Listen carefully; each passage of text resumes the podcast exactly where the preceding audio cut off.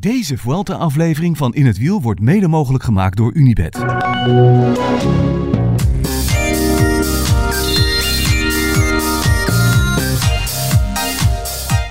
Miguelito. Si, senor. Ja, Ja, deze is ooit ontstaan. Miguelito is ontstaan in de Vuelta. vanwege mij of vanwege Miguel, die toen mee was? Nee, vanwege jou. Ja? Ja, Oh, was, Oh. nee, Miguelito. ja. Voel me vereerd. Nou ja. Wederom een Vuelta samen. Ja. Leuk, toch? ja, maar wel echt, Anders, hè? echt anders. Erg jammer dat we niet gaan. Wel. Had je dat gewild? Nee, Jij bent echt net, je bent net twee dagen terug van de Tour. ja, echt koud thuis. Ja, hè?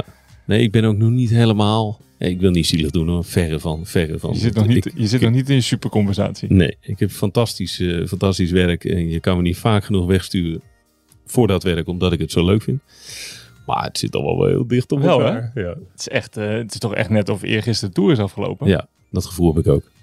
Maar we gaan alweer naar de Vuelta. Ik word nog wel eens wakker met de beelden van Vingegaard eh, in eh, Ja? Kopenhagen. Ja. Oh, volgende week is het allemaal voorbij. Dan word je wakker met beelden van een ploegentijdrit in Utrecht. Mooi hè? Mooi, hè? Ja, we gaan het er straks over hebben. We gaan het straks aan Thijs vragen, laat ik zo zeggen. Ja. Maar het wordt, wordt een, mooie een mooie start. Even, even gelijk maar to the point. Jij houdt van de ploegentijdrit. Ik vind het mooi. Ik vind het echt het mooiste wat er is. Het Vond, mooiste wat er is? ik vind, ehm, ik vind het een, een mooie discipline. Omdat het eh, gewoon alles heeft wat eigenlijk een teamsport heeft. En dan kun je erover discussiëren of wielrennen natuurlijk een teamsport is. Het is een soort individuele teamsport. Nou, dat is super interessant aan die ploegentijdrit. Dat vind ik mooi. Want je komt opeens in een situatie dat je elkaar echt allemaal nodig hebt. Ja. En dan, ja, ik vind het, ik vind het esthetische ervan, vind ik gewoon mooi. Dat vind ik ook met tijdritten. Gewoon strakke pakken, eh, iedereen dezelfde overschoentjes, tijdrithelmen. En dan gewoon in de ploegentijd is dat helemaal mooi. Dan zie je gewoon acht identiek dezelfde renners. De ene iets groter dan de andere en de andere wat kleiner. Maar gewoon dezelfde overschoentjes aan. Dezelfde mooie vizieren.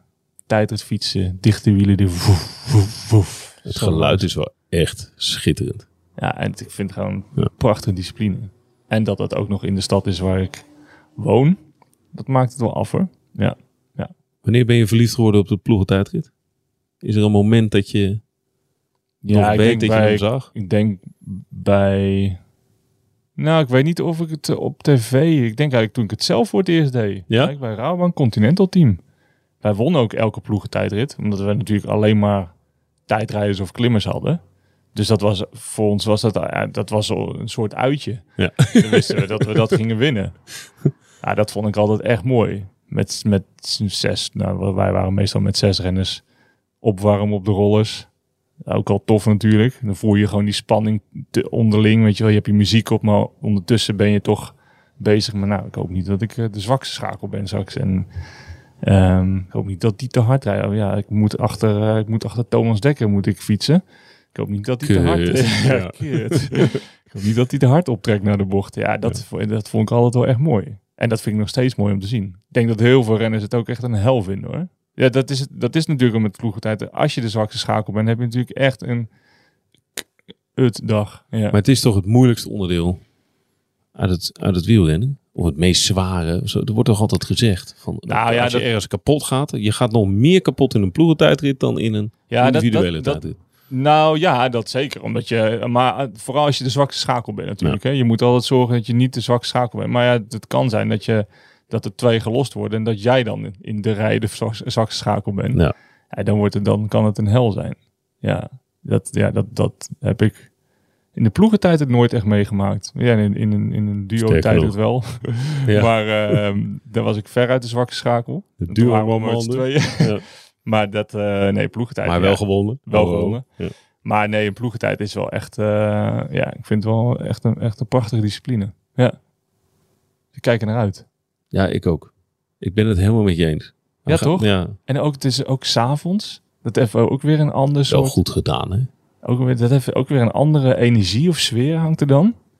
Nee, kijken we, ja, het wordt, Ja. wordt mooi. Maar het is echt goed bedacht dat ze dat in Utrecht s'avonds hebben gedaan. Ja. En ze gaan de hele stad door, heb ik begrepen. Ja, Het gaan de hele stad door, maar wel gewoon op eh, goede brede wegen. Elk stadsdeel wordt aangedaan. Dat was geloof ik de, dat, Ja. dat, dat was de Ja, opdracht. dat kan ook eigenlijk prima in 23 kilometer. Zo heel groot is Utrecht nou ook weer niet natuurlijk. Dus ehm, ja, een prachtige afstand. Mooie, eh, ja, wat ik zeg, mooie wegen. Mooie delen van de stad. Dus we gaan wel iets, eh, iets leuks zien. En het is volgens mij al vanaf morgen is het feest in Utrecht. Net als de andere grote ronde starts hebben we wielencafés en quizzen en, en, en barretjes. En Ja, is het volle bak aan? Ja, het is volle Ja? bak aan. Ja, ja. Overal wordt reclame gemaakt. Dus een speciaal eh Vuelta bier Oh. gemaakt door de lekkere volgens mij. Dus eh, ja, Uitstekend. Gaan we deze week van genieten denk ik. Ja, dat hoop ik wel. Ehm, even, want ik eh, vroeg jou eh, vlak voordat we begonnen, welke Giro heb je ook weer gereden? En dat was met een reden. Dat, jij hebt de Giro van 2010 gereden. Ja. Die startte toen in Amsterdam, kwam overigens ook door Utrecht. Ja, klopt. Ehm, hoe is dat? Is dat nou echt extra speciaal of maken wij dat er allemaal van? Ja, ik vond het extra speciaal. Maar dat, dat begon al de dagen voorafgaan natuurlijk. Want dan komt, komt iedereen ingevlogen. En dan ben je in één keer... Ik was denk ik de... Ik wil heel goed zeggen. Ja, ik was de enige Nederlander in de, in de ploeg toen. Je reed Ja, toen de- voor Voor Lotto. Lotto. Ja. Voor Omega Pharma Lotto. En dan de, gewoon al het wegwijs maken van je ploegmaten dan in Amsterdam. Als we een rondje gingen fietsen of eh, dan gingen we een rondje fietsen en dan ergens een koffietje drinken. Dan moest ik het bestellen, weet je wel. Dat vond ik al, ja, dat was al speciaal. En gewoon de, de ploegenprestatie in, in Nederland. Dat was toen, toen nog met eh, een mooie Jolante Cabau van Kasbergen die dat, eh, die dat presenteerde. De mooie versie. De mooie versie Ja. ervan. Ehm, ja, nee, ik vond het heel speciaal. Journalisten die, die speciaal dan voor jou komen natuurlijk eh, om te vragen. Dat was ook mijn eerste en tevens mijn laatste grote ronde. Maar ik heb dat als heel bijzonder ervaren om dat in, in Nederland, Ja, wel. Nederland Ja. te mogen rijden. Ja, ja. Ik heb jou zien fietsen. Oh ja, Ik heb jou met de proloog. met de proloog Ja. Over de Vijzelstraat. Oh ja? Ja, Wij, wat ik me nog kan herinneren is dat we starten over een soort watertje heen. Over een soort... ja dat is het water op het Museumplein. Daar lag het startpodium. Ja, Ja, Ja. dat is een soort, ja, hoe zeg je dat, zwembad, poeletje. ja. En daar ligt uh, zwinters eh, ijs, als Oh, de ja. burgemeester het goed vindt. Ja. En dan schaatsen? zomers water. Ja, dat, dat Staat heel vaak leeg, maar de- inderdaad, dat was het startpodium. Ja, ik kan me ook nog herinneren dat ik veel te hard van start ging. Ja? Ja, ik was echt eh, binnen anderhalf kilometer was ik eigenlijk opgeblazen. Helemaal gaar. Ja, vanwege alle indrukken en mensen die je aanmoedigen. En gewoon het feit dat, eh, dat je een grote ronde start en dan ook nog een grote ronde in je eigen land. Ik was eigenlijk, eigenlijk was ik na anderhalf ki- kilometer klaar. Ja, ja. Dus in retrospectie is het nog knapper wat Dumoulin en Apeldoorn deed. Ja, ik, ja. Ja. Het, Dat je dus toch ook een, dat staat toch een ander soort, gevoel onder controle kan houden. er staat toch een ander soort druk op, toch? Ja, Maar ik denk dat dat hebben de Denen ook ervaren dit jaar in de Tour. zo. En die hebben er echt wel iets moois van gemaakt. Die heeft, eh, ja, er was natuurlijk kort Nielsen met zijn Ja, uiting. Ja. Dat gaan we natuurlijk krijgen op de Amerongse berg. We gaan Uiteraard. straks over het parcours eh, Ja. kletsen. ja. Ja. Nee, dus ik vond, het, ik vond dat heel speciaal om te doen. Ja, zeker. Ja. Vuelta, even in het, in het kader. En dan, het, eh, Thijs wordt zenuwachtig, maar eh, in het kader van een heel wielerjaar. Waar staat die Vuelta nou? Ja, als je het mij vraagt, en dat, dat doe je dus nu, ehm, vind ik het toch altijd de minste van de drie grote rondes. En Ja, maar waarom is dat? Want het is wel, het is wel een, een, een hele mooie. Het Ja, is vaak denk- spektakel. dat, dat klopt. Het, en ik denk dat het ook zeker, het is wel opgewaardeerd de laatste jaren. Ik kom ook nog uit, het, uit de tijd, en dat, misschien dat Thijs dat ook wel kan beamen, ehm, dat Vuelta ook vaak de voorbereiding op een WK was. Dus dan reden renners twee weken de Vuelta en dan stapten ze af. Ja. Deze laatste week niet meer. Dus dat, bij de Vuelta had je altijd een beetje... Ik heb mezelf nooit gereden, wel een paar keer als ploegleider gedaan. En dat vond, was ook altijd meer... God, hoe moet ik dat nou... Echt, Nou, zal ik het oneerbiedig zeggen?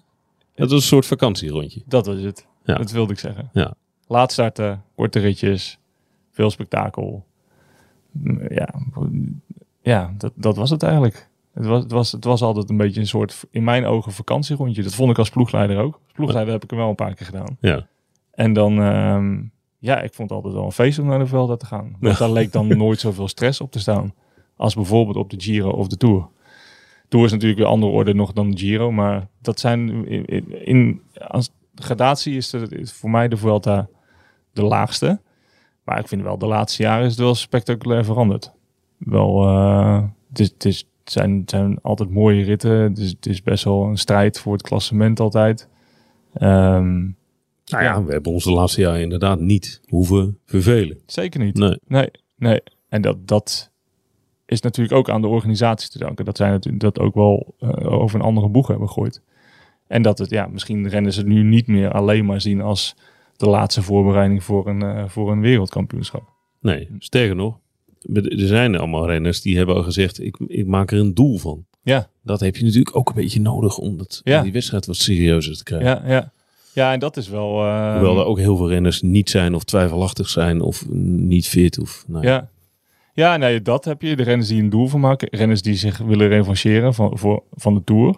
Dat is natuurlijk ook... Dat heb je wel vaak in de Ronde van Spanje. Als de Tour mislukt, dan ga je naar de Ronde van Spanje om die nog proberen te winnen. Maar ja, je hebt nu dit jaar ook wel een aantal renners die dat, eh, die dat zeker willen gaan doen. Dus nou ja, ik verwacht er wel veel van. Ik denk dat het... eh, ik, ik, als, als de tendens een beetje wordt doorgezet qua eh, koersverlopen, dan eh, gaan we wel een leuke grote ronde weer tegemoet. Want de, de Giro was er mooi om te kijken. De Tour was fantastisch. Het is, wordt misschien niet zo fantastisch als de Tour. Maar ik denk dat we... Waarschijnlijk niet. Nee, dat wordt moeilijk te evenaren. Maar ik denk dat het wel een mooi, eh mooi veld tegemoet gaan. Oké, allerlaatste ding dan. Eh, we gaan de komende weken erbij zijn. Ja. Dit is de grote... Hij gaat ook echt lang duren, deze voorbeschouwing. Dus, dus ga er maar lekker voor zitten. Ja. Eh, Thijs zit ver weg. Die eh, hangt nu, zie ik. Ehm, elke, even kijken, het openingsweekend pakken we eh, gezamenlijk. Ja. Dan bellen we Thijs in, in de podcast. En dan doen we woensdag, zondag, woensdag, zondag, woensdag, zondag. Lijkt me prima. Nou, toch? Toch? Ja. Houden we vol, hè? Nou, wel vol. Af en toe een keer een zwem... Klein zwemduikje nemen. Klein zwemduikje met dit weer. Mag wel, hè? Ja, de temperatuur in de bus is historisch. Ja. Eh, we gaan naar thuis.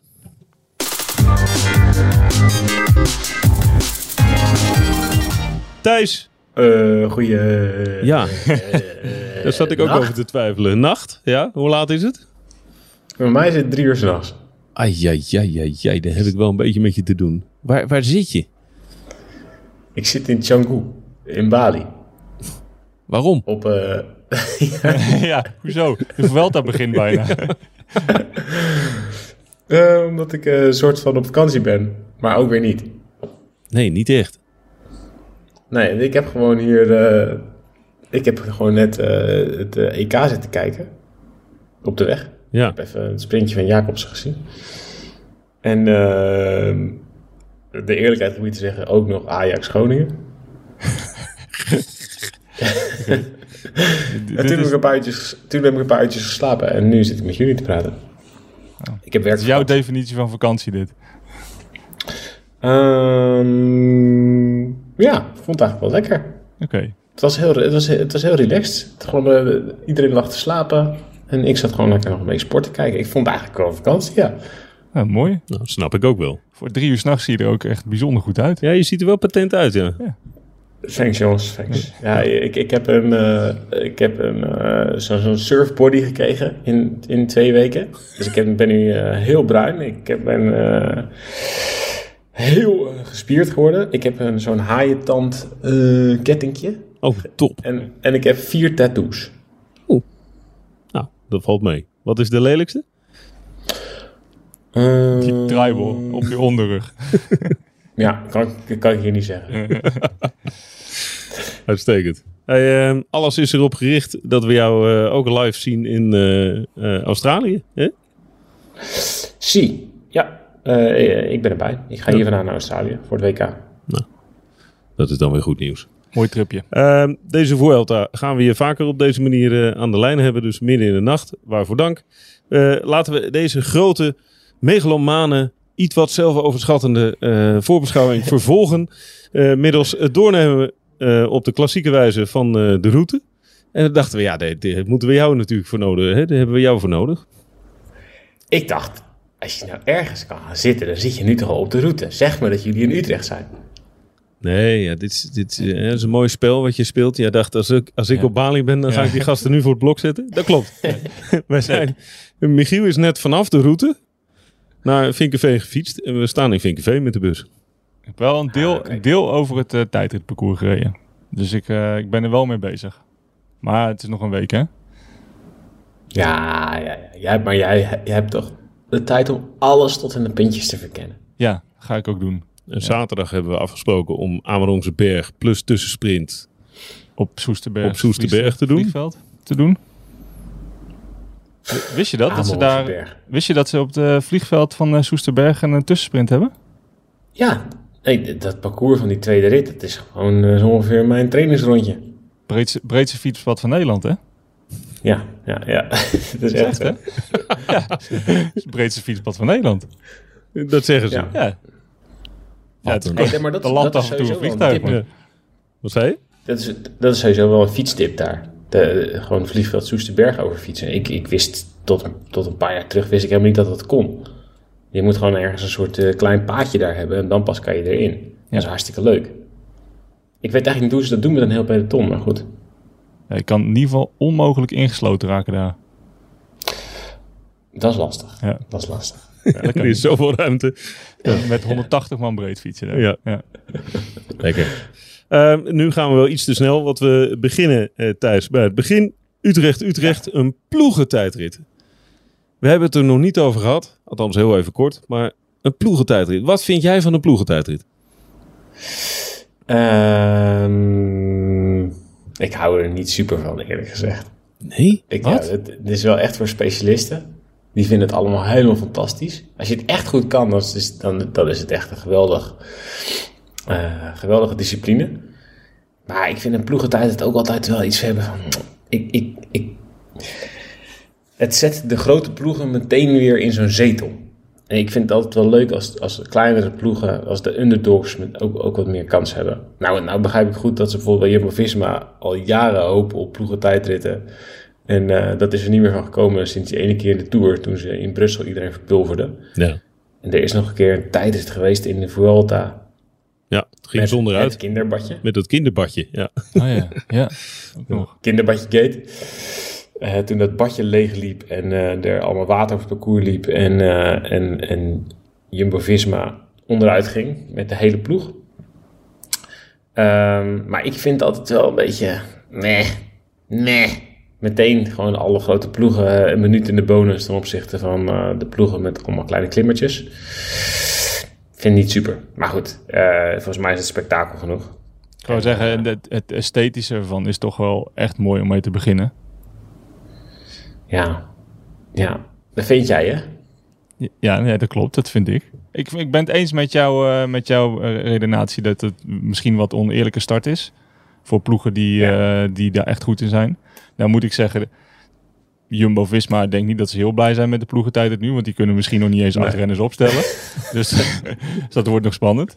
Maar het, ik vind het, wel, het is inderdaad wel spektakel. Het is toch eigenlijk niks Ja. mooier dan achter dezelfde wielrenners En dezelfde fietsen ook voorbij zien ja, rijden. oneerlijk is ook een beetje een gek argument wel. Want ja, Ja. Je hebt de, die, die ploeg is de hele... ehm, die hele Vuelta is, is het belangrijk. Dus ja, um, kun je dan niet de tijd in een ploeg rijden? Dat kan natuurlijk ook wel gewoon. Ja. Ik wil eigenlijk wel een tussenoplossing voorstellen. Oké. De beide een beetje tegemoet komen. Ik zat hierover na te denken. Ik dacht, wat vind ik er eigenlijk van? Ik vind het namelijk een heel mooi onderdeel. Hm. Alleen het invloed, de invloed op het klassement is, is va- vaak gewoon net wat te groot. Dus, en dat kan een voordeel zijn inderdaad. Dat, eh, dat Jumbo is er heel erg mee bezig. En in de Tour vernietigen ze dan iedereen op een geweldige wijze. Dat was ook een indrukwekkende prestatie. Maar zeker als je dan op vrijdag zo'n grote ronde start. In Utrecht met zo'n ploegentijdrit. Laat het dan niet meetellen voor het klassement.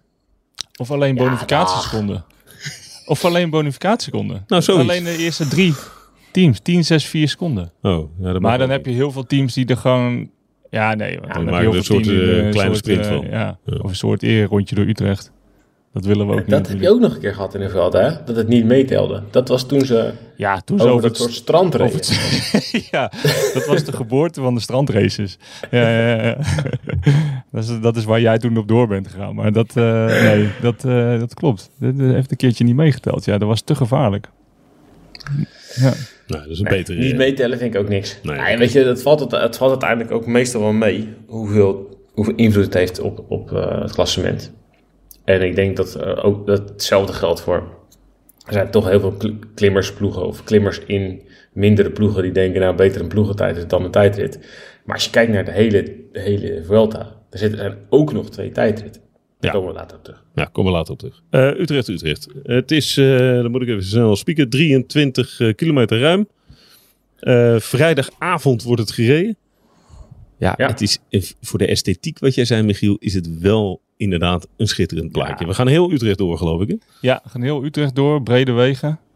Eh, ja, mooi parcours. Echt mooi parcours. En eh, ja, ik, ik denk dat het, eh, het was al een volksfeest toen het eh, eh, Ja. Utrecht ooit eh, de, de Giro een keertje had en de Tour. Ik denk dat dat nu, eh, nu alweer gaat gebeuren, ja.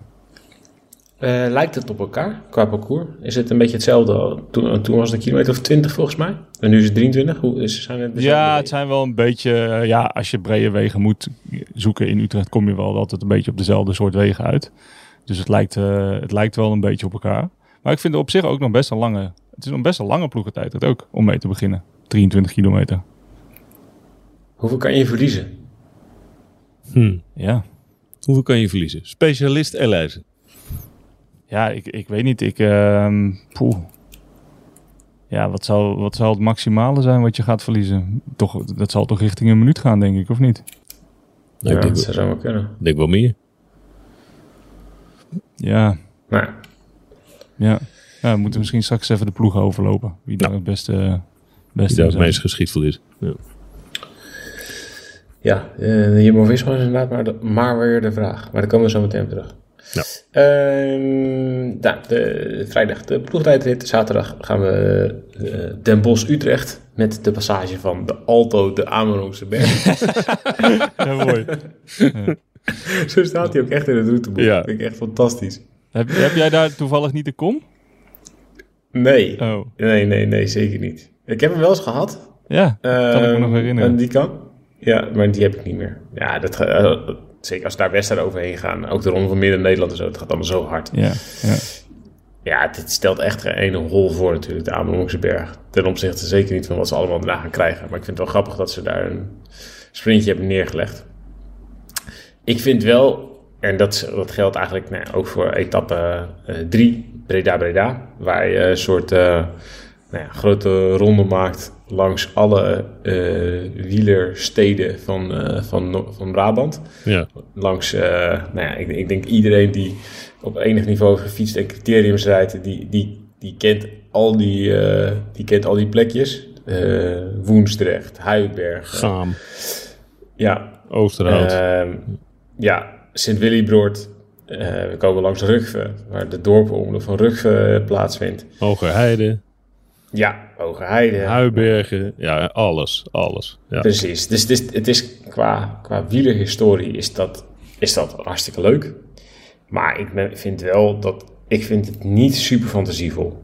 Als ik nou denk aan hoe wil je een impact maken als Nederland op het parcours van de Vuelta. Nou, dan is een, ja, die ploegentijdrit ja, nou, tof. En dan vind ik eh, Den Bosch, Utrecht en Breda, Breda. Dat zijn gewoon, ja, het zijn gewoon twee st- straightforward massasprints. Waarschijnlijk met een, als het een beetje nerveus wordt, met een paar crashes onderweg. Oei. En dat is het. Dat vind ik wel een beetje saai, eerlijk gezegd. Wat had, je, wat had je dan willen hebben in Nederland? Weer Zeeland. Nou, Limburg. nou hoeft niet weer Zeeland, hoeft niet weer Limburg, maar ja, ik weet het niet. Misschien een, een stukje. En ja, je kan ook de afsluitdijk een keer op, of je kan een keer een paar, een paar. Als je dan toch een beetje bij Huiberg en Woensdrecht bent en zo, ja, misschien kun je een paar kasseistroken daarin leggen. Ja, maak er wat ik van. vind zo. Ja. Ja.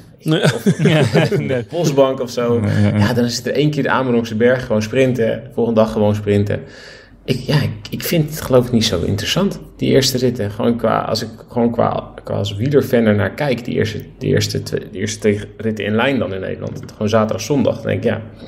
Oké, sprinten en sprinten. Gemiste kans. Hopen, hopen dat iedereen heel blijft. Ja, het was toen ook zo. Het was toen ook zo toen, eh, toen de Giro eh, de laatste keer in, in Gelderland was, toen zat er één keer de postbank in, geloof ik. Toen Maarten Cialinghi daar de bergtrui pakte. Ja. En, en dat was het ook wel. En ik snap wel dat je niet meteen, eh, meteen een super eh, selectief parcours kunt neerleggen. Maar het kan toch wel, het kan toch wel ergens iets leuks nog in de finale of weet ik veel wat. Dat je nog kunt afvragen dat het niet twee dagen zomaar per se een massasprint wordt. Ja, er is, er is zelfs geen kans op. Nou ja, goed. In Nederland kan het natuurlijk altijd, als het keihard gaat waaien, wordt, dan is er altijd kans op waaiers. Maar dit kan in de zomer. Ja, dat gaat niet gebeuren. Nee. Dit gaat geen waaierkoers worden, normaal gesproken. Dus ja, ik vind, ik, dat vind ik wel jammer. Dat geloof ik. Nou. Wat jullie? Nou ja, dat snap ik wel. Ja, daar heeft hij eigenlijk wel gelijk in. Het is, het is inderdaad Het is wel, fantasieloos. Ja. Ja, nou, ik, ik vind een ploegentijdrit niet eh, fantasieloos. Maar inderdaad, eh, het, het ook Den Bosch-Utrecht had wel een mooie parcours kunnen zijn. Natuurlijk prachtig over de Utrechtse heuvel fietsen en op veel meer plekken dan waar ze nu alleen maar komen. Ehm, ja, en ik denk die derde eh, rit, of Breda-Breda, dat, ja, dat is gewoon... ehm, ja, dat is niet zo... Ja, ik, daar kun je ook niet heel veel meer fantasie in leggen dan dat ze nu doen. Het is ergens wel mooi dat ze de wielerdorpen aandoen, maar ja, dat is ook volgens mij de echt de enige fantasie die je daar... eh, je kan inderdaad eens een keer een, een strookje, maar volgens mij zit toch iedereen... Dit is toch een beetje de, de, mm, het voorgerecht. Dus iedereen zit toch te wachten tot de oversteek naar, Ja. naar Spanje. Dus volgens Ja. mij kan je het ook niet heel veel anders, anders maken dan dit. Ik denk dat toen de Giro ook in Nederland startte en dat het eigenlijk een beetje hetzelfde is. Je, dit moet je even doen en dan maak je de oversteek naar Italië en dan begint... Dan begon echt de ronde van Italië en nu voor hun begint dan echt de ronde van Spanje. Heb ik het idee altijd bij dit soort uitstapjes. Ja, misschien zit het ook wel vanuit de organisatie. Dus dat de ASO zegt, eh, jongens, eh, jullie, jullie, jullie kunnen me wat. Eh, het mag vooral niet selectief zijn. Ja, ja. Ja, precies. wat, er, wat er daarna volgt is over het algemeen super. Ja. Ja. Misschien dachten ze van, we hebben de Tour de France, hebben de sprinters ongeveer anderhalve kans gegeven. Die gaan we ze nu gelijk in de eerste drie dagen, eh, gaan we ze twee geven. Ja, nou, ja, eh, ze gaan ook niet super veel kansen meer krijgen. Nee, nee. Eh, de teller staat nu op twee. Ja. We, we, we pakken, we durven even mee. ja, we houden het even bij. Etappe Nee, nou, 4. maandag steken we over. Ja. Eh, etappe 4. nee, maandag is dus een soort reis-rustdag. Al zullen een hoop eh, renners waarschijnlijk zondag al vliegen, neem ik aan. Ehm, dan eh, is de etappe 4 is in, eh, in Baskeland. Eh, van in Vitoria-Gasteiz beginnen ze. Ehm, en dat is eigenlijk meteen dan weer een, een echte Vuelta-rit. Ehm, in Baskeland kun je sowieso onmogelijk niet selectieve wedstrijden houden. ik, ik, dat, is, dat is gewoon niet te doen. Dus je, welke kant je ook oprijdt, je rijdt ergens een heuvel op. Ehm, en daar zit, dat is gewoon een heerlijke Vuelta-rit meteen al. Eh, met een selectieve finale en een sprintje op zo'n soort heuvel, heuvelding in een stad van een kilometer en 8%. Ja, daar wint gewoon een hele goede puncher al. Dat is al niks meer, dat is al niks voor de sprinters. En dat geldt hetzelfde voor rit 5. eh, eh, rond Bilbao. Ja, daar zit gewoon een super steile klim in de finale. Ehm, en dan zijn we gewoon, dan is de Vuelta natuurlijk al meteen wel echt begonnen. Rit 6, ook in Baskeland. Of, of in ieder geval, het- het begin in Baskeland. Dat is meteen met aankomst bergop. Ja. Dus ja, dan, dan zit je gewoon eigenlijk rit 4, 5, 6. Is, is gewoon eigenlijk al, eh, dat had niet misstaan in, eh, in de ronde van het Baskeland in april. Daar, daar gaat meteen al eh, heel veel duidelijk worden voor wie hier een goed klassement gaat rijden. En wie meteen al eh, klaar over uit is. Nou, etappe zes 6 is gewoon een bergrit. Ja, dat is gewoon een, klim, een slotklim van 12,6 kilometer aan 6,6 procent. Hallo. Ja. En een, een van de, of de eerste van de acht eh, aankomsten bergop. Ja, ja. Ehm, wel leuk dat ze in Baskeland eh, komen. Dat doet de Vuelta niet zo vaak. Pas in recente jaren is dat. Ja. En dat heeft alles te maken met, eh, met afscheidingsbewegingen en allemaal dat soort dingen. Ehm, de Vuelta is, is in, in Spanje tot voor kort eh, in, in de meeste wielergekke regio's helemaal niet een grote wedstrijd. Gek genoeg. Dus ja, de- de- in Baskeland was de Vuelta niet welkom. En er zijn ook eh, bomaanslagen of bomdreigingen geweest eh, rond de Vuelta in een, wat verder verleden. Dus toen heeft de Vuelta eigenlijk jarenlang Baskeland zo ver mogelijk gemeden. En eh, ja, sinds kort lijkt die, die dreiging een stuk weg. En zijn heel veel Basken eigenlijk wel, nou, die vinden het eigenlijk wel gesneden dat Baskeland een deel van Spanje is. Dus nu, uh, ja, ik vind het wel tof dat de Vuelta in het meest wielergekke deel van Spanje komt. Ja, want dat is het, hè? Ja, ik denk, als je, het toch moet na, als je zit na te denken, er zijn toch niet heel veel meer plekken in Europa, behalve Vlaanderen, waar ze zo wielergek zijn als in Baskeland. Nee, het is... Uh... Ja, dus, dat, dat, zie je al in de Tour. Ja, ja in de Tour zag je het ook al. gekke ja. Basken daar altijd staan op het moment dat ze in de Pyreneeën aankomen. En inderdaad, ja, Baskeland, San Sebastian, dat zijn toch echt... Dat, het zijn ook gewoon echt prachtige wedstrijden. Ja, ja, maar de, die, de wielencultuur is echt, het is, is zo'n toffe wielencultuur. Ja. Je kan gewoon daar, dat is net als in Baskeland, je kan daar gewoon, of in, in Vlaanderen, je kunt gewoon een willekeurig café binnenlopen en dan gewoon een gesprek starten over willekeurige wielrenner of willekeurige wielenkoers en iedereen weet waar je het over hebt. Ja, ja. Als je daar, als je daar, eh, weet ik veel, als je daar het over de ronde van Polen wil hebben, dan kun je, dan kun je daar gewoon een gesprek uit. Dan bestel je een biertje en dan ga je met een gast die naast je zit, begin je een gesprek over de Polen. Ja, dan hebben ze het gezien. Dat, dat is toch geweldig. Ja. Er zijn hele cafés vol met, die hangen helemaal vol met allemaal wielrenners en wielerkoersen en zo. En um, ik denk dat alle Spaanse renners, uh, die, iedereen die door het Spaanse circuit uh, komt en daar is opgeleid, die hebben allemaal honderdduizend keer in Baskeland gekoerst.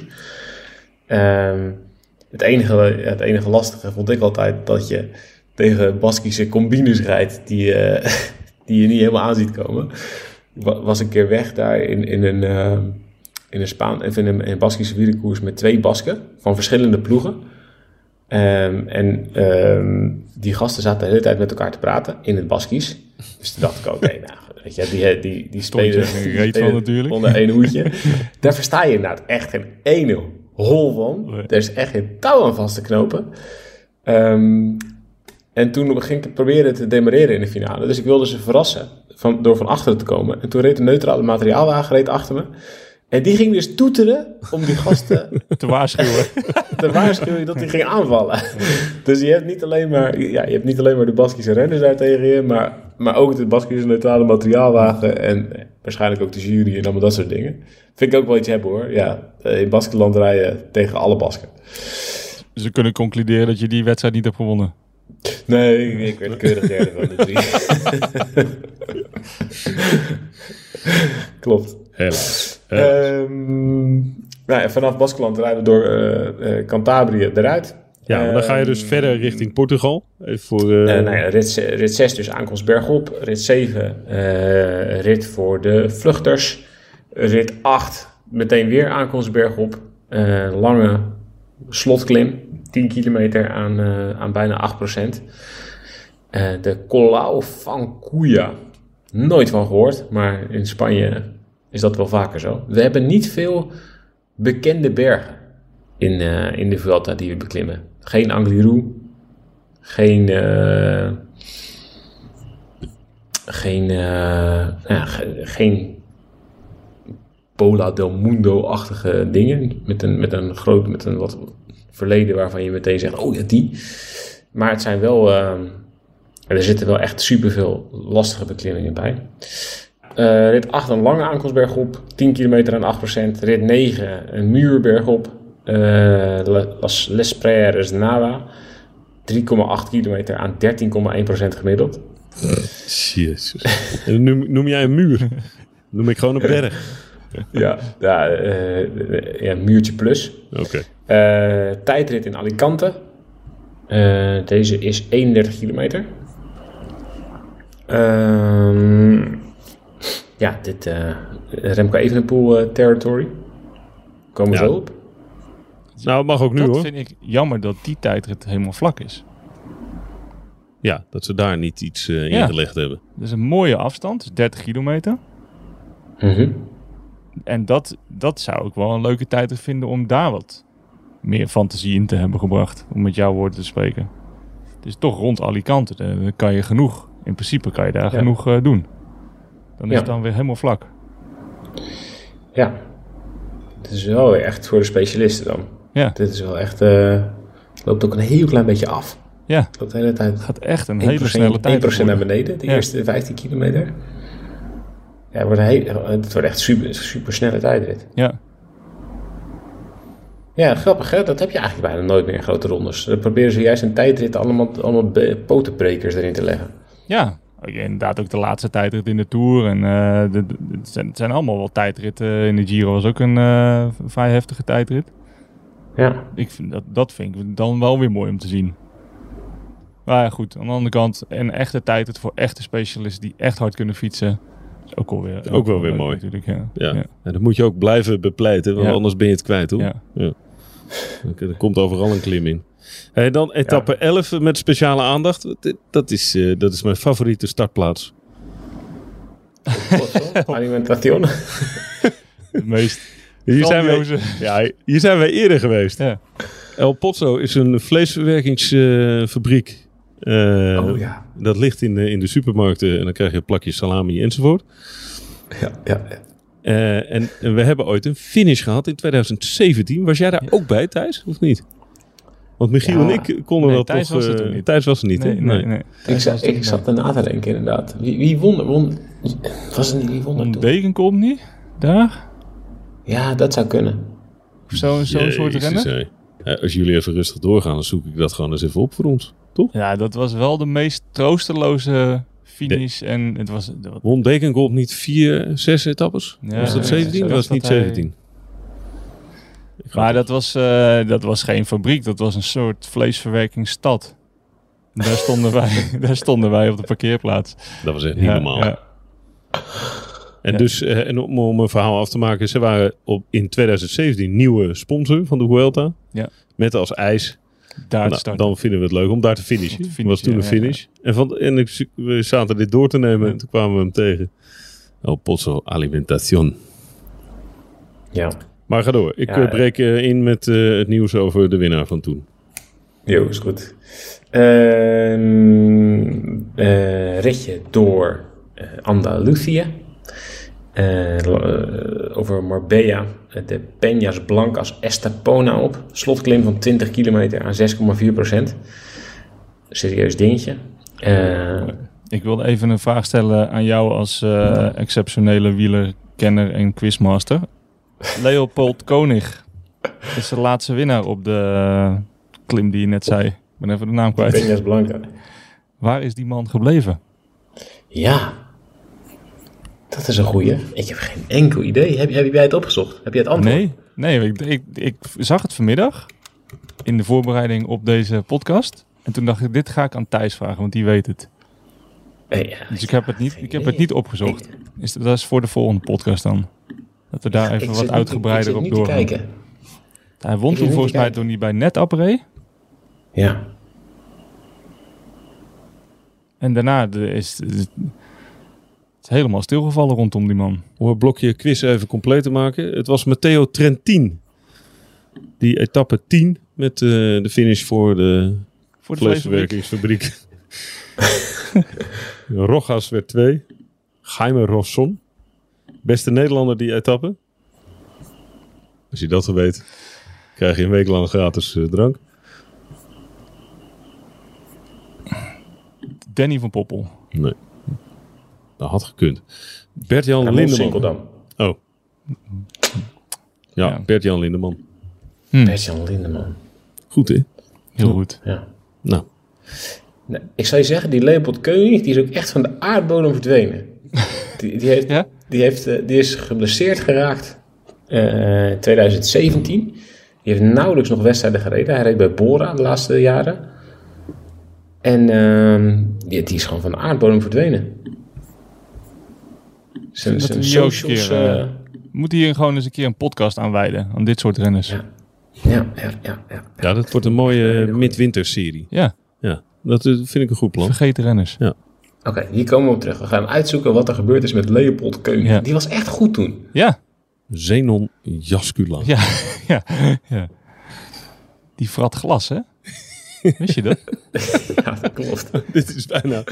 Dit, dit is in ons... In ons gezelschap is dit bijna... Wist je dat Roglic vroeger schandspringer Ja, ja, was? ja, dat is waar. Oh ja, sorry. Nee, jij hebt mij jaren geleden dit verhaal Ja? verteld. Oh. Geweldig. Ja. Ik vertel het, dit vertel ik ook vaak aan mijn kinderen. Ja. Leopold Koenig zit wel op Twitter nog. Die, daar, daar zegt hij wel dingen. Maar daar heeft hij nog steeds, zijn, zijn profielfotootje is nog steeds als de renner van Bora, terwijl hij dat al vier jaar niet meer is. Nou, dan is hij er wel trots op. Ja, Hij roept ook dingen over bitcoin. oké. Dat mag. is zeker, zeker een podcast waard, deze man. Goed. Eh, we waren bij etappe 12. Die Peñas Blancas. Estepona. Eh, ja, Daarna gaan we Ja, sprinten. dikke vette aankomst bergop dus. Eh, dan blijven we in Andalusië voor een eh, ritje. Nou, wat misschien voor de sprinters is, maar wat ook wel dikke eh, kans is op vluchtpogingen. Eh, of in ieder geval op, op een geslaagde vlucht. Denk dat het wel een kans is voor de sprinters, dus dat is, zitten we op. Dit is een kans. Na Breda is dit de volgende. Ja. Nee, er zit er nog eentje tussen. eentje Er is nog eentje tussen. De twee dagen voor zit er nog eentje tussen. Eh, rit 14, naar de Sierra de la Pandera. Dat is dan wel een klim die eh, misschien wat bekender klinkt. En rit 15 ehm eh, finish je bovenop de Sierra Nevada. Dat doen ze niet vaak in de, in de Vuelta. Gek genoeg, omdat het super tof is. Maar het leeft, wielrennen leeft daar, zo, leeft daar ja, blijkbaar to- echt totaal niet. Ik weet daar nog eens een keer een aankomst. Toen won Tony Martin volgens mij. Oh, Nee, nee, Simon Clark won. Voor Tony Martin volgens mij. En toen eh, was er ook gewoon helemaal niemand op die slotklim. Alsof je ergens in, in februari de Route del Sol daar rijdt. helemaal niemand. Maar ze eindigen nu eh, bovenop de Sierra Nevada. Dat hebben ze volgens mij bijna nog nooit gedaan. Ja, volgens mij in Eh, 2017 25 ook. Wij Want waren dat- daar. Ja, dan kom je bij dat sporthotel. Is Ja. dat daar? Ja. Eh, ja, nee, je rijdt echt naar, naar, naar een skidorp. Of in ieder geval naar de, naar de skipiste van de Sierra Nevada. 20 Oké. kilometer en 8 procent. Het Alto Hoya de, la- de la Mora. Monachil. Ja, eh, volgens mij ga je daar, da- dan daar dus nog verder omhoog. Oké. Ik weet niet hoe hoog dat sporthotel ligt. Wie won er toen? Goh, dat weet ik niet meer. Joh. Lopez volgens mij. Kan. Ik weet nog wel dat wij op de parkeerplaats stonden. Dat toen al die renners daar moesten douchen. Ja. In dat hotel. En dan in bussen werden geladen en naar beneden werd gereden. Ja, Dat ze waren gingen niet- verplaatsen. Ja, er waren niet ploegbussen. Nee, er waren geen ploegbussen. Grappig. Ja. Ehm, het is niet vaak dat, eh, dat ze in de Vuelta op zo hoog finishen. Op meer dan 2500 meter. Je kunt nog hoger daar, hè, op de Sierra. Ja. Heb je dat wel eens gedaan, Michiel? Wat, wat vraag je dat aan mij? Jij bent de alpinist Ja, van ons drie. Oh ja, ja, nee, ja, zo. Nee, fiets het niet. nee, nee, dat, eh, daar hield ik me al te ver van. Nee, ik, oh, maar boven 2000 meter was ik ook altijd erg slecht hoor. O- onder 2000 ook trouwens. Ik wist dat je dat ging zeggen. Ik ook. Inzetten op de Vuelta doe je bij Unibet. Bekijk het gehele Vuelta-aanbod met de hoogste odds op unibet.nl. Want een beetje speler speelbaar bij één club. Unibet. Maak nu een account aan en ontvang bij 10 euro inzet een welkomstbonus van 40 euro als je 24 jaar of ouder bent. Wat kost gokken jou? Stop op tijd. 18 plus. Als je daar bent, bovenop de Sierra Nevada, dan is het een soort slagboom. Dan kun je onderdoor. En dan kun je naar de Pico, de, weet ik veel, de Pico Blanco geloof ik of zo. Mhm. En dan kun je naar iets van eh 3100 meter fietsen. Hé? Wauw. Over asfalt ook. Nou, de, ja, niet altijd het beste asfalt. Nee, en ik geloof dat ze daar in de Vuelta ook wilden finishen. Of plannen hebben om daar te finishen. Maar eh, dat gaat niet zomaar. Dat, dat lukt dus niet zomaar. Nee, maar dat zou dus dan de hoogste aankomst in Europa ooit zijn. Als je, als je op 3000 meter finisht, dat, is, dat is nog nooit gebeurd. Wel vet, Ja, hè? het zou wel tof zijn. Ja, dat zou echt tof zijn. Dat- Ja, dat, dat krijg je ook. het is- volgens mij is dat heel gek. Dan krijg je alleen maar Colombianen vooraan of zo. Ja. Dat is ook een beetje, eh, als we dan ook over eh, tussen aanhalingstekens koersvalsing hebben van de ploegentijd, is dat natuurlijk ook een beetje koersvalsing. Er zijn toch heel veel renners die boven 2000 en waarschijnlijk boven 3000 helemaal niet meer vooruitkomen. Ja, dat, dat is dan overlijdt wel verder. Ja, ja van ouderdom. Ja. Boven 2000 meter Ja. wel verder. Ja, eh, Eh, rit 16, eh rit voor de sprinters, moeten ze wel een klimmetje in de slotfase overleven. Maar goed, dit is dan wel kans waar zat ik? Kans 5 voor de sprinters. Ja. Eh, rit 17, eh, muurtje in de finale. Van, nou ja, wel een flinke muur naar een, eh, naar een, een, een klooster. Eh, rit 18, nog maar eens een keer een aankomstberg op. Altijd de Pional. Rit 19, eh, kort ritje met twee beklimmingen van tweede categorie. Ja, normaal gesproken zou ik zeggen, is iets voor de vluchters. Maar heel misschien iets voor de klassementsrenners. De finale leent zich er niet echt voor. Nee. En dan rit 20, voordat je naar Madrid gaat. Eh, een heerlijke rit door de, dat gebergte boven Madrid. Eh, eigenlijk een soort rit over dezelfde beklimmingen als die keer dat Aru Dumoulin nog uit de, de trui reed op het allerlaatste moment. Ja. Ja. En finish bovenop de Navacerrada. Dus al met al, eh, dus Madrid erbij. Dus, dus zes kansen voor de sprinters. Eh, Ja. Dat is meer dan in de Tour. Een stuk meer. Ehm, al met al, ik vind best wel een... ehm, het is best wel een, een, een, een, een, eh, route die of voor klimmers of voor sprinters is. Er zitten ook niet heel veel etappes tussen waar je als, als vluchter zonder hele specifieke, met hele specifieke klimbenen nou echt heel veel kans maakt. En wat Dus- mij opviel is dat er best wel veel lange ritten in vergelijking met de Tour. Maar er zijn negen ritten boven de 180 kilometer. Ja, dat was een, in de Vuelta juist altijd heel kort. Ja, Hoe zou dat... Ja, dat is, dat is gek inderdaad. het, is- het is eigenlijk een beetje omgedraaid. Dat was in de Tour eigenlijk altijd een, veel meer. En in de Vuelta stond altijd te boek als laat starten, Ja, korte ritjes. korte ritje, laat finishen ook. Akelsberg op, Ja, standaard. en dat was het. Ja. En dat is, lijkt nu ook Ja. een beetje eh, omgedraaid. Ja, dat klopt. Dat klopt. Ja, eens. Eh, wel ploegentijdrit en individuele tijdrit. Dat, Ja. ja, dat hebben we ook niet vaak meer gezien. Nee. Het is wel ehm, een, eh hoe is het? De 31 plus 23. V- 54 kilometer. Ja. Even rekenen. Ja, het is inmiddels Eh, bijna, half vier bijna half vier bij- voor jou. Maar ja, dit kan niet anders dan dat het wordt gewonnen door, door een hele goede klimmer. Er zitten eh, dan wel twee eh, tijdritten in. De ploegtijdrit en de individuele tijdrit. En 54 kilometer tijdrit überhaupt is al redelijk veel voor een grote ronde tegenwoordig. Ja. Maar er zijn zoveel aankomsten bergop. Ja. Dat de balans wel echt doorslaat naar iemand met hele goede klimbenen. Eh, moeten we de Belgische droom gelijk doorprikken door te zeggen dat dit te zwaar is voor Evenepoel? Nou, dat, ik zou dat niet zomaar doorprikken. Ik geloof er wel in, eerlijk gezegd. Ja. ondanks dat hij vaak toch op, op steile, lange klimmen wat meer moeite heeft. Eh, ja, toch wel. En dan bedoel ik niet per se voor eindzegen. Hè? Voor, de, voor, voor, de, voor dat hij zomaar even de Ronde van Spanje gaat winnen. Maar, maar wel dat hij gewoon echt mee kan gaan doen voor, voor een podium. Door, Oké, nou, dat vind, ik eigenlijk, dat vind ik wel interessant dat je dat zegt. Heb, heb jij ook het idee dat hij, want ik las laatst een interview met Lefebvre ook, dat hij zei van ja, Evenepoel is na Luik Maasnakeluik ook echt een andere renner geworden. Heb je ook dat idee? eh, en wat bedoelde hij toen? Ja, Dat hij relaxer was. ja, misschien. Of dat hij toch beter in, in de klimmen is geworden waar hij eerst wat meer moeite mee had. Dus de lange stijlen. Ja, ik vind toch wel dat die jongen echt wel nog eh, eh, gewoon best wel steile leercurve heeft. Ik bedoel, als we kijken naar de Giro eh, van vorig jaar, toen, ging die, toen startte hij als...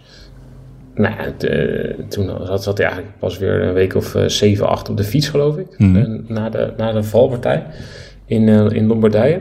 En toen ja, werd hij toch wel gezien als, als klassementsrenner. Wat volgens mij toen helemaal niet kon. Met, met zo'n korte voorbereiding. En zeker niet als zo'n jonge renner die nog, dat nog nooit heeft gedaan in de grote ronde. En volgens mij was dat gewoon te veel hooi op de vork. En, en toen stond er zoveel druk op alleen maar vanaf het begin. En toen eh, reed hij in die afdalingen zo slecht. Dat was echt vreselijk om te zien. Ja, Maar dat doet hij niet. Dat heeft hij echt in no time opgekrikt. ja. Dat, dat is helemaal ge- geen, geen zwak punt meer van hem. Hij heeft zat gewoon aan te vallen in afdalingen dit jaar. Als je kijkt met, meteen toen in de ronde van Baskeland, toen gingen ze hem, af, gingen ze hem aanvallen in de afdaling. Nou, uh, verblikte of verbloosde niet. En toen ging hij gewoon zelf aanvallen in de afdalingen. Dus volgens mij is dat is niet meer zomaar... Dat is ook geen zwak punt meer van hem, volgens mij. Volgens mij zijn er niet zomaar renners die denken... nou, we gaan even, even, gaan even, even een poel aanvallen in de afdaling. En als je ziet hoe, hoe hard die reed in, in, in uh, San Sebastian... en dat hij op die dat hele steile uh, laatste klimmetje alleen maar uitliep op zijn achtervolgers. Ja. Het ligt ook aan een beetje aan het, aan het hele deelnemersveld. Hè? Als je gewoon kijkt wie er allemaal meedoen. Um, de echte aliens. Pogacar doet niet mee. Vingegaard doet niet mee. Roglic, vraagteken. Nou ja, gaan we meteen maar... Jumbo uh, beslist morgen of die mee gaat doen. Dus we, we nemen dit eh, zondagavond op. Ja. Uh, maandag uh, wordt de knoop doorgehakt of Roglic wel of niet meedoet. Ik neig naar, ik denk het wel. Wat, wat, is, de, wat is het punt? Hij, ja, hij, is, hij, zit pas net op de fiets hè, na zijn ja. valpartij in de Tour. Ja. Die toch erger bleek te zijn dan nou ja, tijdens de Tour misschien werd gedacht of, uh, of wat werd stilgehouden. Um, ja, dus ja, de schade was veel groter. De schade was wel veel groter. Dus hij zit pas net op de fiets. Aan de andere kant, ja, dus wat Thijs zegt is wel een alien. Dus ja, volgens mij maakt het ook niet heel veel uit hoe kort hij op de fiets zit. Als hij start, dan zal hij ook wel meedoen, denk ik. Zou, Alleen, zou die willen? Ja, ik weet niet. Het, het, lijkt me best wel moeilijk voor hem om, om zich... En het is, helemaal, het is echt een aanname hoor. Maar om, om hij heeft altijd de, de Tour gereden om te winnen. Dat mislukte dan, maar dan had hij altijd nog net wel wat energie over om dan de Vuelta te winnen. Het lijkt me toch wel heel lastig om na jaren geprobeerd te hebben de Tour te winnen, je ploegmaat te zien winnen en je dan na zo'n val op te moeten laden voor alweer een keer de Vuelta. Want volgens mij, het lijkt me ook een beetje dat dat zo voelt voor hem. Oh ja, het is alweer, alweer de Vuelta. Ik had liever de Tour gewonnen. Heb ik weer. Heb ik weer. Moet ik, moet ik weer de Vuelta gaan winnen het toetje wat eigenlijk niet zo lekker smaakt voor hem. Nee, het is geen. Um, het voelt denk ik niet echt, echt als revanche dan.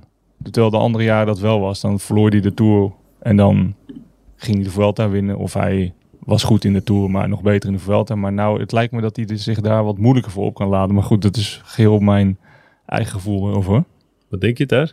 Ja, ik ben het wel eens met Michiel. Dat lijkt me mentaal ook wel echt wel een ding hij heeft al drie keer de Vuelta gewonnen. Uh, de Tour is ja, gewoon het een ontbrekende stukje op zijn palmares.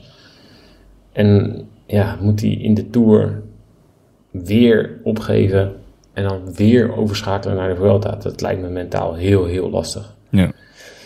Hij was natuurlijk wel echt heel goed in de Tour. Hè? Laten we dat niet vergeten. Dat, ik ben toch wel echt heel benieuwd wat er zou zijn gebeurd als, als Roglic niet was gevallen in die rit uh, over, over de kasseien. Als je, als je ziet hoe goed hij nog is op uh, de Planche de waar hij derde wordt achter Pogacar en Vingegaard op een paar seconden. Met, nou ja, met dus schade aan zijn rug, die veel groter is dan we toen dachten. Ja, hoe goed moet die conditioneel zijn geweest? Wat, hoe ver zou die zijn gekomen? Hadden we dan in een hele andere tour gekregen? Misschien was het dan ook wel veel lastiger geweest voor, voor Jumbo een volle bak te gaan aanvallen als, als Roglic heel dicht bij Pogacar had gestaan. Um, ja, dan hadden ze waarschijnlijk ook dat plannetje wat ze op de Galibier hadden uitgevoerd. was misschien iets minder all-in geweest. Ja, precies. Ja, exact. Ja. Dat was met veel minder risico misschien, ja. misschien ja. gebeurd. Ja. Dan het, met gevaar dat een van de twee dan hun klassement ging verliezen. En terwijl je nou misschien wist, oké, okay, Roglic is niet meer de beste die we hebben. Nee, gaat er toch uit. Dus ja. offer je maar op. Ja. Het was, de opoffering was makkelijker dan... Denk het wel. Als je twee goede had. Ja. ja. Alleen ik denk nu dat het opladen voor hem, voor de Vuelta, echt wel... Dat, als, als hem dat lukt, dat zou wel echt zijn mentale huzarenstukje zijn van de laatste jaren, denk ik. Ja. Dat zou ik echt, echt knap vinden. Maar het is al elke keer mentaal ja, Dat vind ik al van die andere drie ook. Ja, ja nee, oké. maar dit is wel echt... Ook gewoon het feit dat zijn ploegmaat wel de Tour heeft gewonnen. Ik denk dat... Ik, ik, kan me gewoon niet voorstellen dat dat lekker zit. Dat is waar. Dat is wel echt een extra... Ja, dat is gewoon... Ja, hij, volgens mij gunt het het Vingegaard ergens wel, maar ook ergens Nee. helemaal niet. Nee. Nou ja, het is gewoon dichterbij. Ja, Ja. het is gewoon, hij weet gewoon, oké, eh, ik was er niet heel ver vanaf. Ja, Ik ben niet heel veel slechter. Nee. Of ongeveer hetzelfde als, als Winjekaart. Of misschien zelfs wel wat beter, sommige dingen. Dus ja, d- dat doet wel pijn, denk ik. ja. Ja, ik ben echt wel benieuwd. Maar het is ook wel een beetje... Bij Jumbo weten ze ook eigenlijk... bij God niet meer wie, wie ze anders moeten gaan opstellen. Nee, ja, dat is wel even armoe voor hun. Hoezo? Nou, ze hebben zoveel geblesseerde, zieke, eh, anderen die anderen nog koersen moeten rijden. en, eh, renners die moeten herstellen van de Tour. Ik bedoel, ik vind al dat de Tour net pas is afgelopen. Ja, moet je, moet je Ja, nagaan. moet ik nagaan. Ik heb twee je weken meegedaan. Ja. En als je dan, eh, als je, ja, dus die gaan al niet rijden. Maar Ja, waar, waar kom je op uit dan? Behalve koers. Gezing start? Ja, Bouwman. Bouwman? Teunus? Die start niet, volgens mij. Bouwman niet? Nee, die heeft last van zijn knie. Ah ja, ja Oh. dat hier heb je ook nog inderdaad. Ja, waar kom je inderdaad op buiten? Affini. Die zal starten, Affini. Kuus, Ja. Harper. Ja. Ehm, ik heb eh, gevraagd hoe het zat met Rowan Dennis. Die, eh, de- die moest naar het ziekenhuis vorige week. Voor in de Commonwealth Games. Ja, maar ja. die start. Of die gaat gewoon starten. Ja. Dus ja, het hangt er wel een beetje vanaf met of ze een kopman hebben. Ja, als Roglic niet start, dan eh, hebben ze ineens een, een ploeg met allemaal, met allemaal hardrijders en, en supergoeie ondersteunende renners. Maar, maar voor wie? Thijs, als je Jumbo-Visma bent, zou je hem dan willen laten rijden? Ehm, nou, ik snap wel dat, dat het een lastige keuze is. Ja, het moet wel kunnen, sowieso. Het moet eerst fysiek kunnen, medisch. Ehm, dan moet het mentaal kunnen. Maar ik zou toch neigen naar, ja, liever wel. Want als je hem niet laat rijden, dan Ja. ja. is een seizoen ook een soort van over. Ja, waar staat hij dan nog? Ja, gaat hij Italië nog eh, WK en dan Italië? Ja, Ja, maar, wat, Ja, maar dat is, toch, dat is toch ook mooi? Ik, ik zou namelijk, ik van- zou namelijk Ronde van Lombardije. Ja. opteren voor nee. Ja. Als er maar een kleine twijfel is bij Roglic, zou ik zeggen, Niet doen. doen we niet. Of pak een weekje mee als voorbereiding op de Italiaanse koers en het WK. Maar En kijken hoe het gaat. ja, zoiets. Dus De- hij is- maar ik denk ook niet dat Jumbo Roglic tegen zijn zin in zal laten starten. Als Roglic maar iets heeft van ik, ik, heb geen, ik wil niet hoor, ik, dit zie ik niet zitten, dan gaan ze dat niet doen. Nee. Daar is hij Nee, en te belangrijk voor geweest en nog steeds te belangrijk voor. En hij, ja, bedoel, eens. eendagskoers kan die ook aan. Dus er genoeg, te, genoeg te winnen nog buiten de Vuelta om. Ja, nou, het WK is in principe niet iets echt per se voor hem. Maar zeker de Italiaanse koersen wel. Ja, Ja, dat is natuurlijk wel het verhaal van de Vuelta in, in grote lijnen. Eh, wie is er in godsnaam nog fit? Ja. Dat is Het elk wordt- jaar een beetje de vraag. ja. Maar het wordt volgens mij Maar wel echt een hele leuke wedstrijd voor het klassement. Het wordt een beetje zo'n, eh, het wordt volgens mij een beetje een soort Giro. Ja, dat denk ik ook. Dat denk ik ook. Het ligt super open. Ja, we, zullen, we- we pakken wel even de favorieten erbij. Ja, noem eens even een paar. Eh, Yates? Nou ja, eh, Bora. Ja. Bora met Hinty en Kelderman. Misschien ook nog Boegman en Nikita, maar dan nou, vooral toch Hinty en Kelderman. Hinty kan, ja, die, die, eh, is gewoon sinds de Giro weer een beetje ondergedoken. Maar die heeft gewoon twee doelen van het jaar gemaakt: de Giro en de Vuelta. En die heeft, in de Giro komt hij eh, de grote aliens niet tegen en in de Vuelta dus ook niet. En als hij Roglic tegenkomt, zal Roglic niet in de beste vorm zijn. Dus die, ja, Hint die is zeker kanshebber. Ik ben wel heel benieuwd naar Kelderman. Ehm, volgens mij is hij wel goed, maar niet super. In Burgos, eh, de, rond van Burgos was hij, eh, ja, was hij elke dag keurig top 10. Maar kon hij niet meedoen voor de overwinning.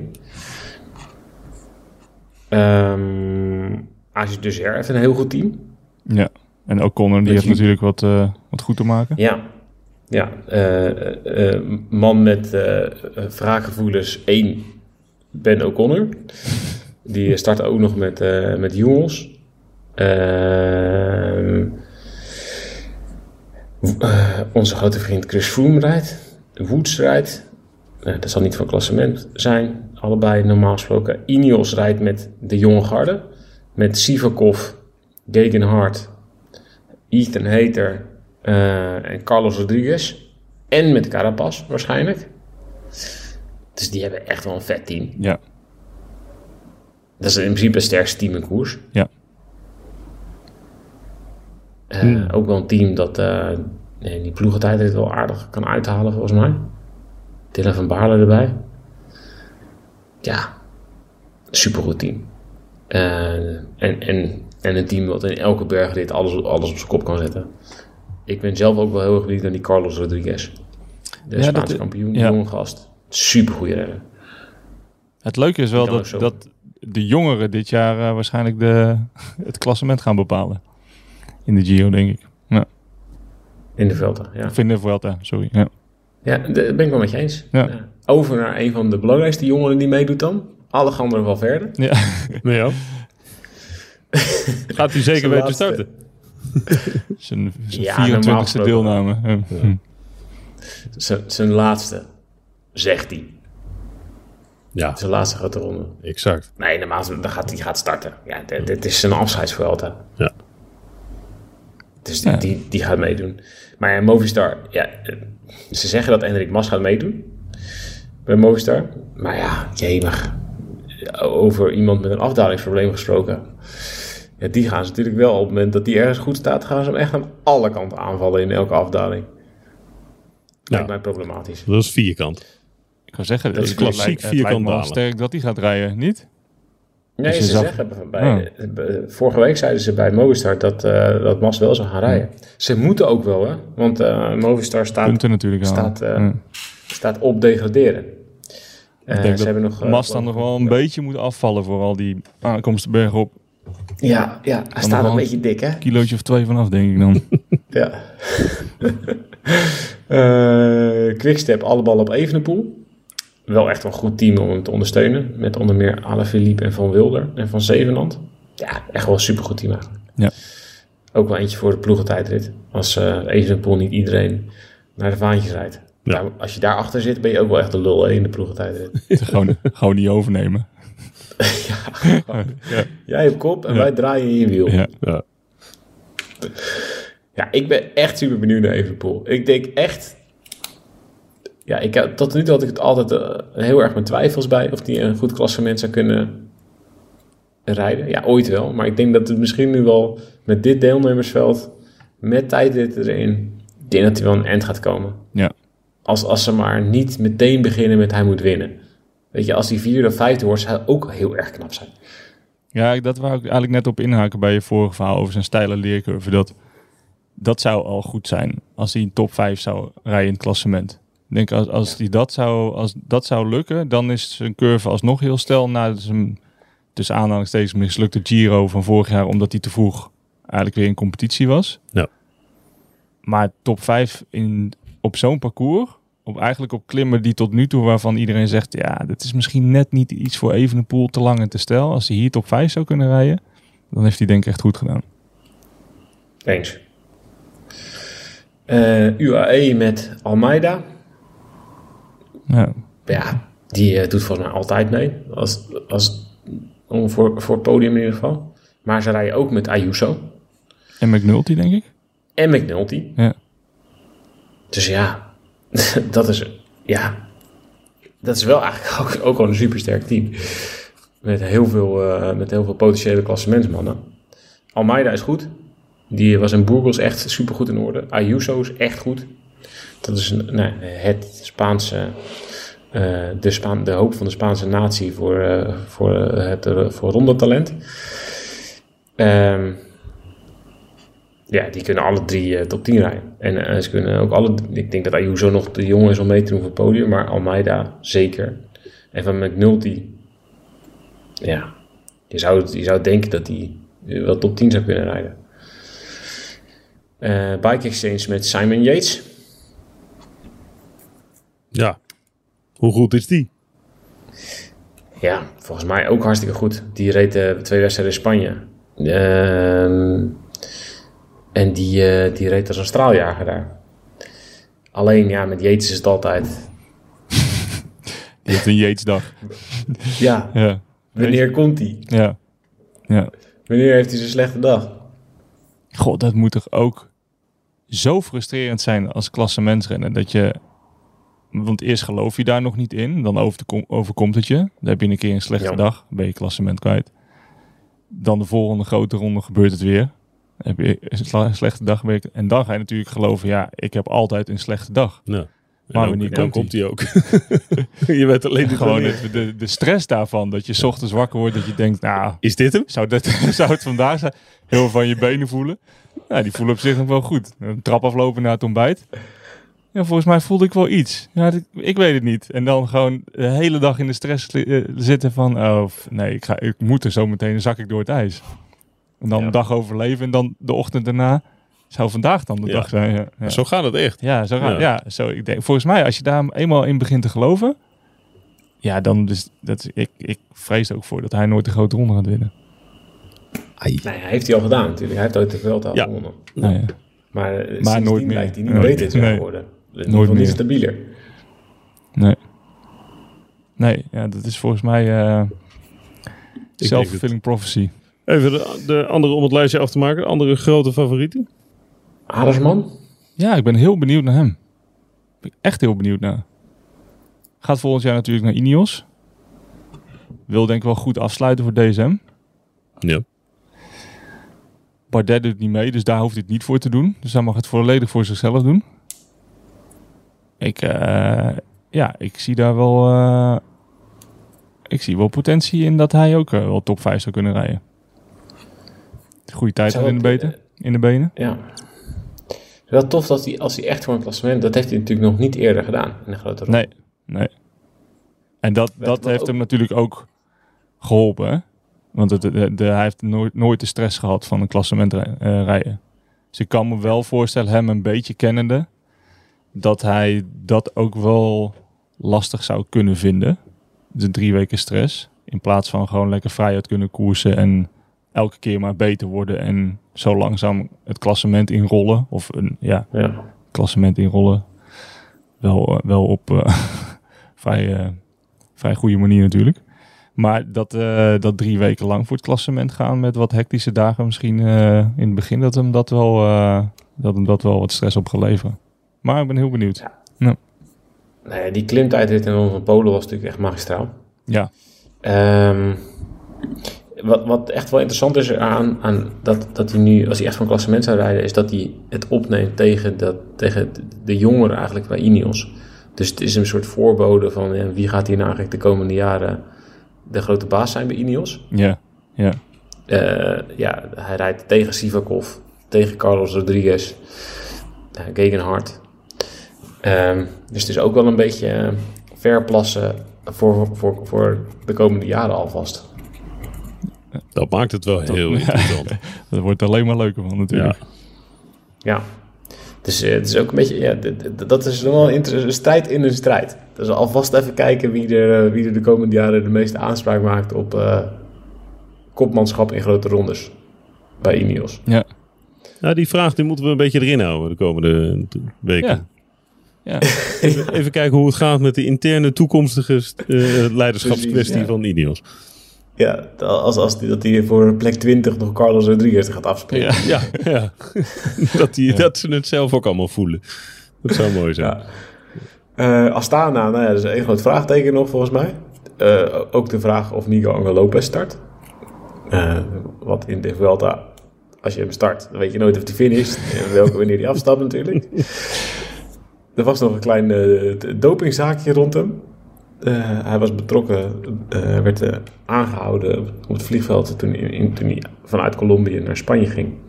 In een, in een grootschalig onderzoek rond een arts die doping zou hebben verhandeld.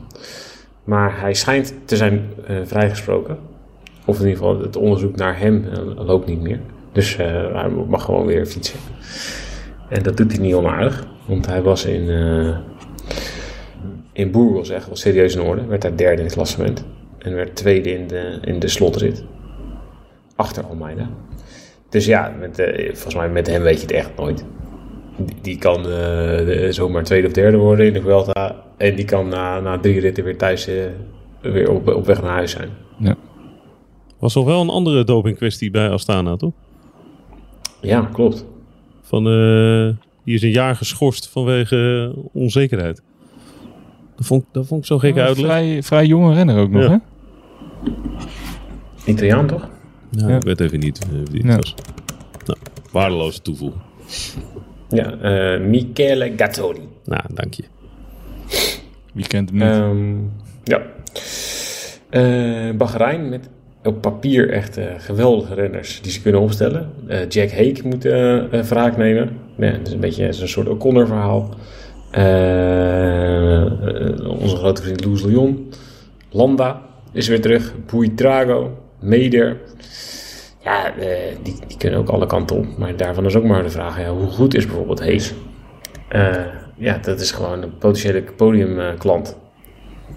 Vorig jaar derde. Maar hij heeft sinds de Tour niet meer gefietst. Zeg het maar. Nou, Een cliché erin gooien? nou doe het. Kan alle kanten op. Kan alle kanten op. Uitstekend. Eh, IF eh, Education met Guerrero. Eh, was supergoed in de Tour. eh, viel, kreeg corona. Eh, en nu is voor zijn revanche in de Vuelta. Alpecin. Ik hoop dat ze Jay Vine opstellen. Ja, dat hoop ik ook. Zou leuk zijn om die... en Dat zou ook wel leuker zijn om gewoon te volgen tijdens de Vuelta. Aresman en Ja. Fine. Gewoon eens zien. Ja, eh, eh, ja, contract gekregen bij Alpecin omdat hij heel goed kon zwiften. En het is gewoon echt een supergoeie renner. En nu, eh, ja, volgens mij kan hij zijn eerste grote ronde gaan rijden. Lijkt me heel leuk.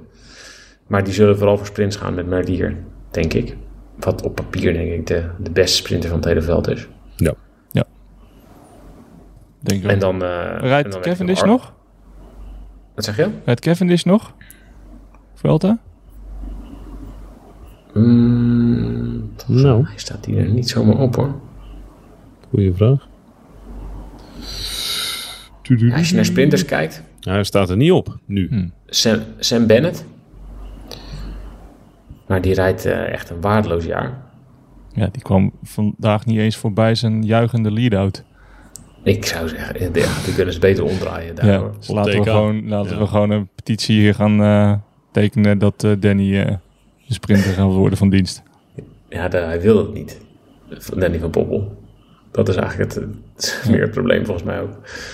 Hij wil niet, eh, hij wil niet zelf sprinten. Maar ja, hij rijdt inderdaad harder dan zijn eigen sprinter. Ehm, maar ja, daar heb je wel... eh, ja, met Bennett heb je eigenlijk wel de grootste... In potentie Dat eh, concurrent concurrentie. voor Melier. Ja. Ja. Ja, dan ga je al, daarna ga je al snel richting jongens als elkaar en zo. Ja, hm, ja. Ja, dan, dan, dan is Merlier wel echt een, een niveautje hoger. ja, toch? Ja. En we, hebben- we hebben nog eentje voor het klassement die ik ben vergeten. Ja. Nairo Quintana. ja. Nijdelman. Nairo, man. Nou ja, Ja, als hij net zo goed is als eh, in, de, in de Tour. ja, waarom niet? Dan, dan eh, kom je in deze Vuelta een heel eind, denk ik. Denk ook wel. Ja. Dat denk ik ook wel. Jetse Bol nog voor het klassement even noemen? Strijdlust. Toch? Ja, toch? Ja. Vluchtpoging, Is etappe. hij weer jarig in de Vuelta? Hebben wij hem toen niet eens een keer een cadeau gedaan? 8 september is hij jarig. Dan is hij dus jarig in de Dan Vuelta. is hij jarig in de Vuelta. Ja, we we hebben toen een cadeau eh, gegeven, dat is snoep en waar, zo. ja. Of, Ja. eh, hadden, In eh, Granada? Zoiets. Nou, zoiets. Ergens daar beneden. Ja. Ja. Het zou, wel, het zou het wel afmaken voor hem. Een rit winnen in de Vuelta. Ja. Ja, dan, kan hij ook gewoon dan moet hij ook gewoon gelijk stoppen. God, dat heb ik al best wel vaak dit jaar gezegd voor renners. ik hoop niet dat ze allemaal luisteren. Want ik heb al van veel renners gezegd dat ze moeten stoppen. Gelukkig Op zo. het moment dat ze een koers winnen. Ja. Ze luisteren nooit. Ja. Nee. Ja. Goed. Oké, dan heb je ze wel ongeveer. Ja. Wie wint hem? Dat is een vraag die normaal Michiel stelt. Maar ik ga hem nu aan jullie allebei stellen. Michiel, jij mag eerst. Kan ik nog even nadenken. Carapaz. Die gaat, ja, die gaat zijn eh, Giro revancheren. En die heeft toch de sterkste ploeg. Ja. Ja, ik ga, en, en hij heeft ervaring met het winnen van de grote ronde. Ik ga voor Carapaz. Thijs. Dan ga ik voor de dubbel van Jai Hindley. Oei. Dan Nou, zeggen we toch gewoon de nummers 1 en 2 van de Giro. Ja. Nou, maar het is vooral omdat die gasten wel gewoon echt, die hebben wel de Vuelta echt kunnen voorbereiden. En niet van, oh ja, we hebben de Tour gereden, we gaan nog even de Vuelta rijden. Hindley, Carapaz en Evenepoel, dat zijn wel de jongens die, die gewoon volle bak hebben ingezet op de Vuelta. Dat is wel een voordeel. Nou, dan gaan we afsluiten. Wat ga je morgen doen thuis? Ehm, eerst niks, dan niks, Lekker. dan, dan niks. Dan ga ik even een rondje zwemmen en daarna ga ik terug naar niks doen. Oh. En jullie? Uitstekend. Ja, ik, moet, ik ga zo eerst terugfietsen Ja. Door het donker, door het donker met lampjes. met lampjes. Kijk, zo, zo erg heb jij mij weer aangeslingerd in de Tour. Dat ik gewoon nu met lampjes op zo meteen naar huis ga vertrekken. Ik ben echt trots op je. Ja, hè? Uur door het donker. Dan mo- moet ik morgen gewoon weer werken thuis. Moet ook gebeuren. En niet vanaf Bali. en niet vanaf Bali. Nee. Ja, je hebt werkpaarden, je hebt luxe paarden. Dat is duidelijk. Lekker. En jij gaat in het water liggen morgen. Ik verleng mijn vakantie nog met een paar dagen. Op deze mooie plek. En dan eh, richting eh, Utrecht. Mooi. Ja, Utrecht is er klaar voor. ja. Hey, we gaan elkaar eh, de komende weken spreken, Thijs. Dankjewel voor de nachtelijke escapades eh, vanuit eh, Bali. Ja, ik ga dromen over Leopold Koenig. Wat er met hem gebeurd is. Ja, benader hem even op Twitter en dat, eh, Laten hier, we- hier gaan we achterkomen. Ja, laten we hier een keer een, echt een item van maken. Dat vind ik echt leuk. Maar dan vind ik ook... Dan moet, vind ik eigenlijk dat we het Leopold Koenig hoekje, mo- hoekje moeten maken. Met wat is, er, wat is er geworden van... Puntje, puntje. Nou, dat vind ik Zoals, goed. weet je... Wat is er gebeurd met Iban Mayo? Zo. Ja, dat zijn wel leuke... Ja, Dan beginnen we met Jaskula. Gewoon om jou. ja om Voor mijn, jou. Mijn fetish. Ja, eh, hè? ja. Zenon Jaskula. We wilden toasten, maar de champagneglas was op. Fijne vakantie thuis. Oké.